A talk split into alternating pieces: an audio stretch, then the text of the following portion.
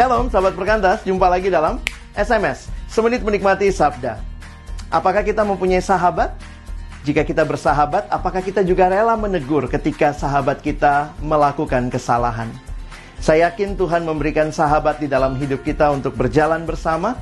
Kita menjadi orang yang bisa menolong mereka terus hidup di dalam kehendak Tuhan, bertumbuh di dalam Tuhan. Kita menjadi sahabat yang mendoakan mereka dan merindukan mereka juga semakin hari semakin serupa dengan Kristus. Firman Tuhan mengingatkan kepada kita, lebih baik teguran yang nyata-nyata daripada kasih yang tersembunyi. Seorang kawan memukul dengan maksud baik, tetapi seorang lawan mencium secara berlimpah-limpah.